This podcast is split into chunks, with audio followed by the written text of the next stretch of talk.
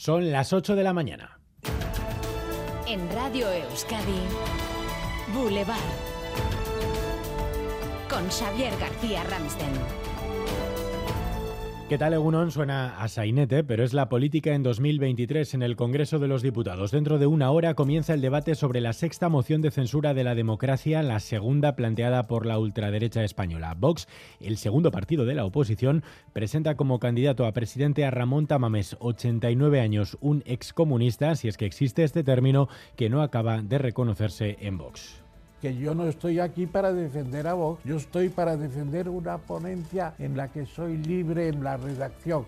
Una ponencia, un discurso que fue filtrado hace días por la prensa. El PSOE aprovechará para vincular al Partido Popular con Vox. Dentro de una hora nos visita el presidente del PP Vasco, Carlos Iturgaiz. Le preguntaremos cómo ve esta moción desde Euskadi. Por cierto, PNV y H. Bildu intervendrán esta misma tarde ante lo que tachan de paripeo o broma de mal gusto Iñaki Larreñaga. Para PNV y EH Bildu es más bien una ocurrencia, un esperpento. Esperan con poco recorrido y para plantar cara, pero sin hacerle el juego a Vox, lo que se plantean es hacer intervenciones cortas, notablemente por debajo de la media hora asignada, fórmula aplicable también al teórico turno de réplica de 10 minutos. El que ha salvado in extremis las mociones de censura ha sido el presidente francés Emmanuel Macron, al menos en la Asamblea Nacional Francesa, porque en la calle nueva noche de protestas y la última hora es que hay más de 200 detenidos, Óscar Pérez. 234 detenciones, en concreto en el caso de París, y en este día siguiente a las mociones, Macron cobra protagonismo. A las 9 reciben en el Elíseo a la primera ministra, los líderes de los grupos que apoyan al gobierno para analizar la situación. Acaba de conocerse que mañana a la una de la tarde Macron hará público un mensaje en las radios y televisiones francesas, y todo ello después de que por un puñado de votos, nueve solamente, salvar ayer Macron y su reforma y a Elizabeth Borne y su gobierno. Salvan, por tanto, el matchball político por el partido no se ha acabado, sobre todo en las calles. Y mensaje a Macron también desde Euskadi, Navarra y Nueva Aquitania. Esta es una cuestión que afecta a las instituciones europeas y demandamos de las instituciones europeas en cumplimiento de lo que es el compromiso 2030. Francia tiene que cumplir con los plazos y cualquier retraso implica un perjuicio para el conjunto de los países. Donc nous devons nous projeter notre force politique que nous représentons El Endacari suma la reivindicación del arco atlántico, la presión desde Navarra y Nueva Aquitania para exigir a Francia que el TAB llegue a Endaya en 2030, como pide Europa, y no en 2042, como ha anunciado el gobierno de Francia. Por cierto, doble anuncio ayer del consejero de Transportes del gobierno vasco Iñaki Arriola aquí en Boulevard, uno que en 2027 podremos ir a Madrid en TAB y otro más cercano que el 11 de abril el tranvía de Gasteiz llegará a Salburúa. Sonia Hernando, ¿qué se dice hoy en el barrio? 20.000 personas viven en este barrio, uno de los más populosos de Vitoria-Gasteiz, y aún en crecimiento, quienes hemos encontrado en la calle creen que el barrio va a ganar vida. Sí, que va a venir de Salvagana, ¿no? Eso es la gente encima de la parada está aquí enfrente, pues sí, creo que va a traer más, más vida, más gente. Seguramente vaya a movilizar a muchas personas y de una forma mucho mejor. A partir del 11 de abril, el tranvía va a permitir viajar sin trasbordos desde aquí hasta la Arriaga y va a conectar este barrio muy periférico de Vitoria con el centro. Es martes 21 de marzo, titulares con Leire García.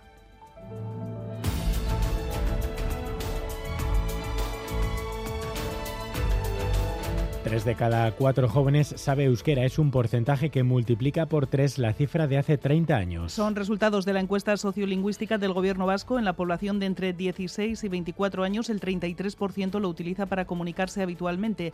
Casi el 75% de las personas encuestadas considera que hay que saber euskera para trabajar en la administración pública. El Gobierno vasco va a aprobar hoy las ayudas para favorecer la emancipación juvenil que contiene la Estrategia Vasca 2030. Jonan Fernández adelantaba algunos datos la semana pasada en Boulevard de Radio Euskadi calcula que entre 15 y 20 mil jóvenes de entre 25 y 29 años podrán solicitar la ayuda de 300 euros si se han independizado y cumplen los requisitos. Se pone en marcha la elaboración del decreto que regule eh, las características de la ayuda y yo calculo que en un periodo de 9 meses, 10 meses, 11 meses como mucho, la ayuda puede estar eh, activada. Así que en un año o antes de un año la ayuda estará en marcha. En el campus de Avanto, Energy Intelligence Center impulsará la utilización del hidrógeno para avanzar en la transición energética. Inicialmente con la instalación de cinco empresas, Petronor, Ampo, Tubacex, Tubos Reunidos y Vicinay, se han invertido 70 millones de euros y el proyecto cuenta con la participación del Gobierno vasco y la Diputación Foral de Vizcaya. Emiliano López Achurra,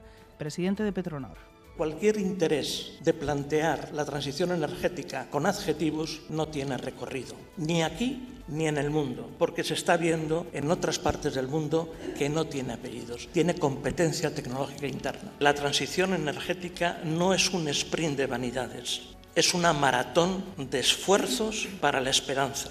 En la audiencia de La Rioja, el acusado por la violación y asesinato de un niño de nueve años en Lardero declara que tiene lapsus sobre lo ocurrido. La Fiscalía y la defensa de la familia del menor piden prisión permanente revisable. El acusado, reincidente por delitos de violación y asesinato, declaró que había bebido. Los agentes que participaron en su detención niegan que tuviera síntomas de estar ebrio. ¿Apretó fuerte el cuello hasta que prácticamente se lo partió? No lo sé, no lo sé. ¿No es cierto que Allen no pudo defenderse en ningún momento? Pues no, no sé.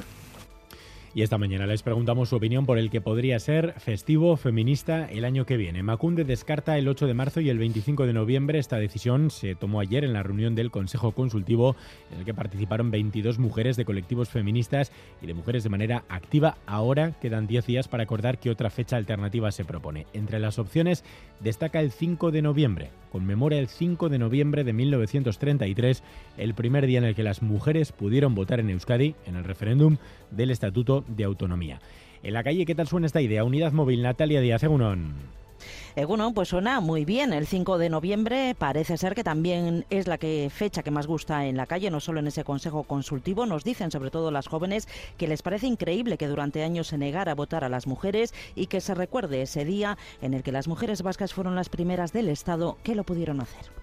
Me parece un logro innecesario para que nos, o sea, nos acordemos de que fue hace nada y que es un logro importante. Sí, claro, que siendo todos igual de ciudadanos y todo, no se tenga el derecho por tu sexo de poder votar y dar Pues tu opinión enseguida ampliamos esas opiniones. Antes los deportes titulares, Álvaro Fernández Cadierno, Egunon. Egunon, con el líder de segunda, el Eibar que ganaba ayer al Mirandés 2 a 3, está primero, como decimos, ya con cuatro puntos de ventaja sobre sus perseguidores de cara a hoy dos citas europeas. En Artalecu 9 menos cuarto, ida de los octavos de final de la European League de balonmano, Vidasoir Sporting de Portugal. Y en la Champions FIBA de baloncesto, último e intrascendente partido para Bilbao Basket, que recibe en Miribilla al Murcia sin nada en juego. Boulevard. Lural de Bus nos ofrece la información del tiempo. Lural de Bus, a donde vayas, vamos contigo. Previsión desde Euskalmet, Javier Munarriz, Egunon. Caixo Egunon, hoy la jornada viene con nubes y claros. Por la mañana el paso de un frente prácticamente deshecho aportará nubosidad y durante la mañana y horas centrales las nubes van a ser más abundantes en la vertiente cantábrica. Sin embargo, el paso de este frente va a ser rápido y en general la tendencia del día será de alternancia de nubes y claros en el cielo. En la mitad sur del territorio dicha nubosidad afectará en menor medida que en el norte y los cielos estarán más limpios. El viento soplará flojo y por la tarde se fijará del norte y las temperaturas máximas van a ser algo más bajas que ayer, pero aún y todo se mantendrán en valores templados, rondando los 17 o 18 grados. De momento hay que coger algo más que jersey. Tenemos 2 grados hasta ahora en Vitoria-Gasteiz, 3 en Iruña y Agurain, 6 en Tudela y Ataun, 7 en Durango, 8 en Donostia, 9 en Bilbao, 11 en Bayona.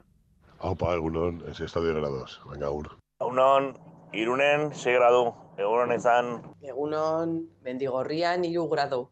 Egunon, Leitzan, hiru gradu.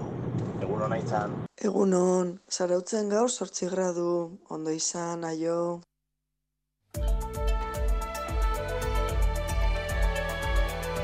Boulevard. Tráfico. Sin problemas hasta ahora, según nos informa el Departamento de Seguridad. Turno de tarde en el hospital. Ocho horas me esperan. Voy a visitar a Laitona, a pasear juntos un ratito. Con las amigas al teatro. ¡Qué ganas tenía ya! Porque la vida vuelve y el transporte público es vida, en Lural de Bus, donde vayas, vamos contigo. Ayúdanos a mejorar nuestra información con tus comentarios, fotos y vídeos. Envíalos al WhatsApp de Radio Euskadi 688 840 840.